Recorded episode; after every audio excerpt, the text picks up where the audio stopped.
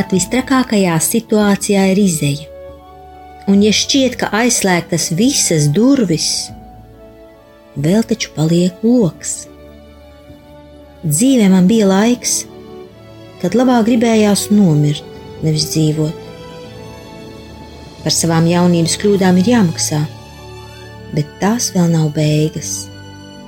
Dievs man atvēra logu un dāvāja jaunus spārnus, lai mācos atkal lidot. Viss ir iespējams, tikai tici, ceri un mīli. Dievs ir ar tevi arī tad, kad tu to nejūti. Es to zinu droši. Laura. Šādi vārdi ir uz grāmatas pēdējā vāka. Lasīsim piekto fragment no Lauras Niedras dzīves stāsta, vai baltajiem zirgiem jāpaliek sapnī.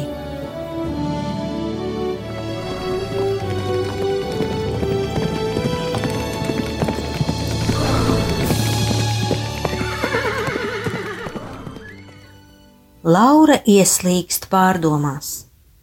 Viņa jūtas savādi tukša. Šī draudzība ir no viņas izsmēlusi visu. Nē, meitene nav dusmīga uz gati. Viņa varētu piedot un aizmirst visu, taču šķiet, ka tiešām ir pienācis laiks šķirties. Varbūt beidzot ieklausīties pasaules kliedzošajā balsī, kā arī savā nemieru pilnajā sirdī un pielikt šīm attiecībām punktu. Bet vai meitene būs tik spēcīga, lai to izdarītu? Šobrīd viņa ir tik izsmelta, ka gribas tikai gulēt. Nē, pirms aizmigšanas vēl kaut ko ieskricelēt arī savā blociņā. Es esmu tukša un viegla. Viegla? Nē, esmu tukša un smaga. Smaga kā zilonis, kā kalns, kā pasaule. Es nezināju, ka tukšums tik daudz sver tas var piespiest pie zemes. Tas var arī nospiest, pavisam nospiest. Tikai viens mani var piepildīt, piepildīt un glābt. Nāc, Jēzu, piepildi mani ar prieku, ar mieru, ar mīlestību, ar mīlestību ar mīlestību.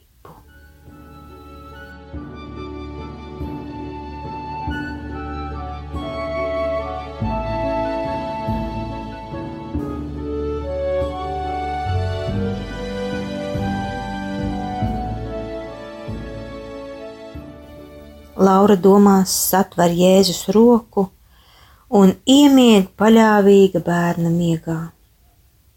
Viņa vēlas pārtraukt attiecības ar Gati. Ir pagājušas pāris dienas, un atkal pulksten desmitos vakarā atskan zvans. Šoreiz Gata balss skan diezgan normāli. Izklausās, ka viņš pat jūtas nedaudz vainīgs par iepriekš izsacīto vārdu daudzumu, bet Laura ir izlēmusi. Viņai Neizskatās, ka šīm attiecībām varētu būt saturīgs turpinājums, tāpēc ir pienācis laiks teikt tos rūktos atvadu vārdus. Vīrietis tam nespēja noticēt. Cik reižu Gatis nav teicis, lai triec viņu ratā, taču tagad viņš nespēja tam noticēt. Viņš nesaka neko, tikai klusē.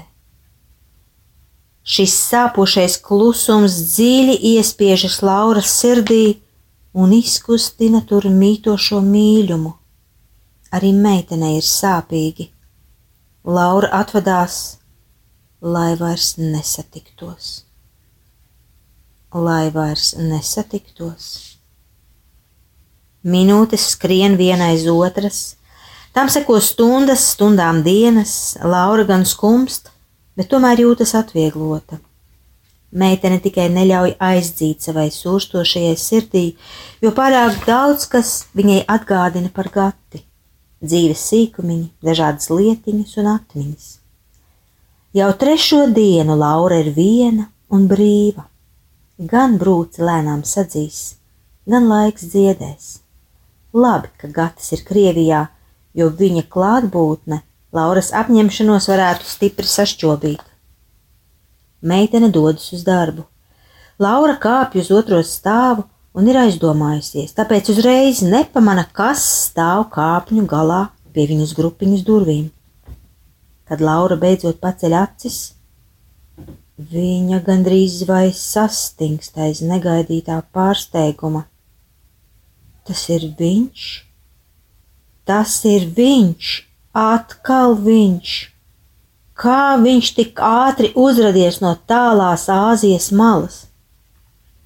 Meitene ir satraukta, gan dusmīga, gan priecīga reizē. Arī Gatis ir acīm redzami satraukts, viņam runājot pat trīc lūpa, un acīs tika neparasta, neizsakāma izteiksme. Tās salauž visas apņemšanās, visas šaubas, visus smagos vārdus. Tie paliek pagātnē. Sirds atmaikst, redzot gati tik cilvēcīgu, tik satrauktu, tik mīļu tuvu. Es nevarēju vairs ilgāk palikt Krievijā, ar trīcošām lūpām saka Gatis. Es steidzos mājās, cik ātri vien varēdams, citādi es būtu tevi pazaudējis. Lauruk, Tu esi man vajadzīga. Un Gatis skatās meitenē ar tādām acīm, kuras nav iespējams atraidīt.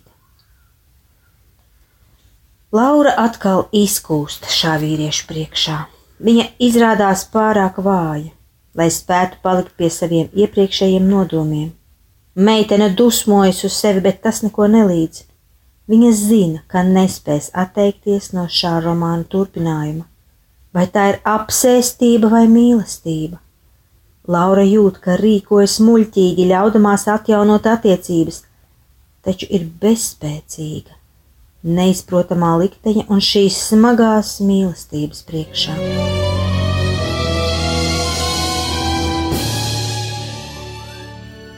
Pēc dažām dienām Laura ierosina Gatim doties uz Krimuldu, kur paredzēts jauks koncerts.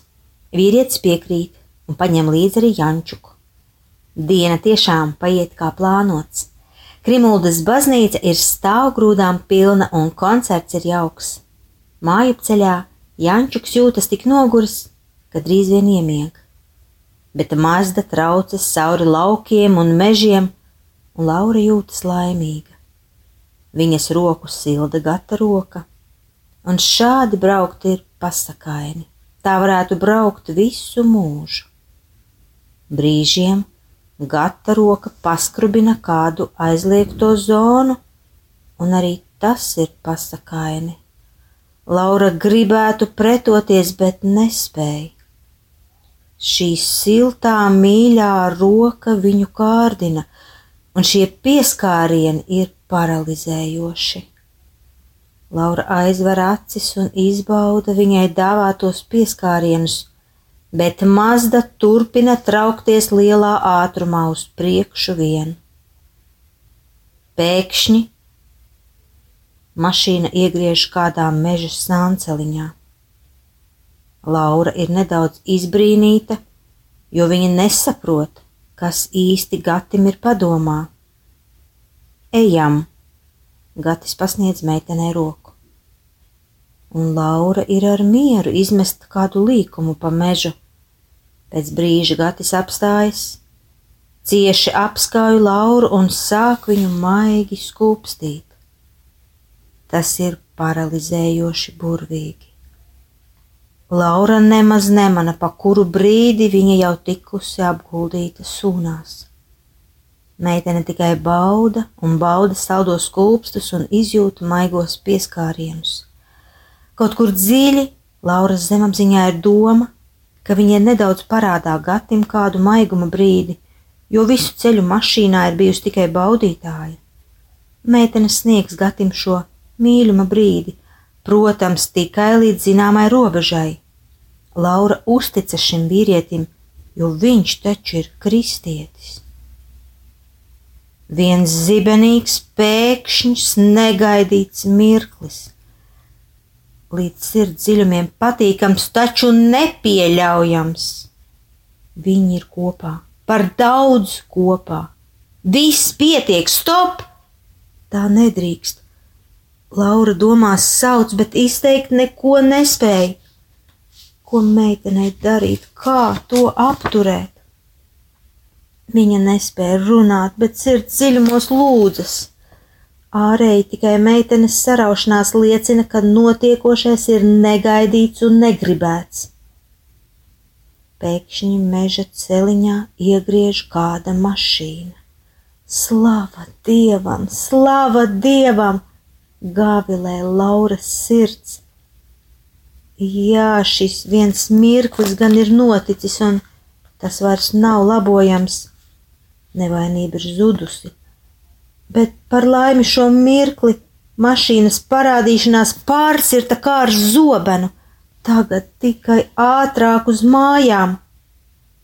Bet Gatis nelaiž. Viņš vada meiteni dziļāk mežā. Laurai kļūst baisi, neizsakāmi baisi, un pat debesis apmācas kā sērodamas līdz ar meiteni. Nevajag, vairāk nevajag. Laura lūdzoši čukst, bet gatis izliekas nedzirdam. Viņam ir par maz ar šādu mirkli. Viņam vajag visu.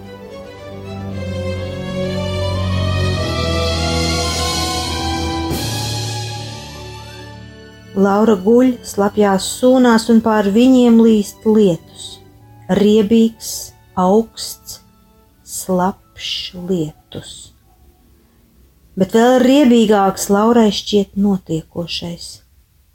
Viņa nejūt neko, un pār meitenes svaigiem rit sāļas asaras. Gatis tās neredz, jo asaras sajaucas ar augstajām lietus lāsēm Kā tas ir noticis? Kā?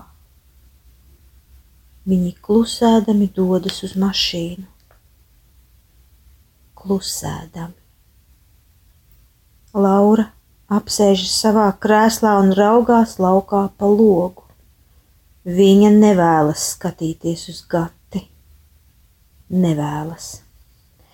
Tikai asaras neremdināmi rit un rit pār meitenes vaigiem Kas viņu sapratīs šajā brīdī? Kas? Pēkšņi no aizmugures pastiepjas maza rociņa, vienīgā rociņa, kas stiprina Lauru šajā brīdī. Ak, tu mazo mīļo Jančuka meitene nodomā, cik ļoti vajadzīgs man šobrīd bija kāds atbalsts, un vienīgais, kas sajuta manu dvēseles stāvokli, biji tu. Jānis neatrauj savu rociņu ilgi, jo ilgi. Šķiet, ka puisēns pat nelpo, cik ļoti viņš sajūt mīļās audzinātājas dziļo sāpi. Jānis ir pavisam noklusis. Neviens jautājums, neviens vārds neatskan no viņa mutes. Puisēns tikai turas un turas pie Lauras rokas, un viņi ir vienoti ar neparastām, tikai abiem vien zināmām bezvārdu saitēm. Varbūt Jānis jūt, ka Laura tūlīt izdzisīs no viņa dzīves. Varbūt puisēns redz neparasto klusumu, kas valda starp audzinātāju un viņa tēti, un viņš droši vien ir nobijies. Laura, kā iedrošinot, paspiež puisēnu rociņu.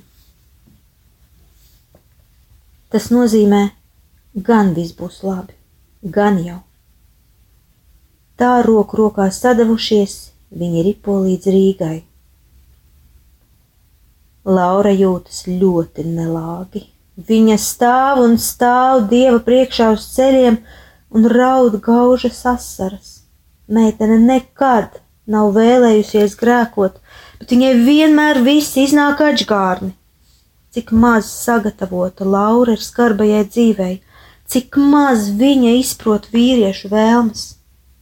Meitene vēlas vienmēr tikai iepriecināt Jēzu un sev tuvos cilvēkus, bet iznāk, ka viņa ar savu rīcību tikai pavairo Jēzus sāpes. Kāpēc tā? Kāpēc tā jānotiek? Un Lauras sirds ir satriekta. Ko Laurai darīt? Vai turpināt attiecības ar Gati? Reiz taču viņš teica, ka visi vīrieši esot tādi. Un mazais Jančuks, ko viņš darīs viens bez Lauras? kā kulsies dzīvē uz priekšu. Zvana gatis, it kā nekas nebūtu noticis. Un Laura kārtējo reizi padalās ar viņu savās pārdomās par vēlmi izbeigt šīs attiecības. Kas noticis, noticis, Gatis saka. Izliet ūdeni vairs nesasmelsi, bet mums tagad ir noslēgts laulības kontrakts. Un Dievs vēlas, lai katram cilvēkam būtu tikai viens laulības kontrakts, tā ka vispareizākais mums būtu palikt kopā. Kāds laulības kontrakts, Laura nesaprot. Nu, mēs tagad Dieva priekšā esam viena miesa. Ar nolemtības pieskaņu paziņo Gatis. Jā, tas nebija pareizi, ko mēs darījām, bet fakts paliek fakts. Saruna beidzas, un Laura jūtas kā slazdā noķerta. Laulības kontrakts, vai tiešām viņai ir nolemta dzīve kopā ar Gati? Šā viena mirkļa dēļ Tas bija piektais fragments no Lauras Niedras dzīves stāsta, vai baltajiem zirgiem jāpaliek sapnī.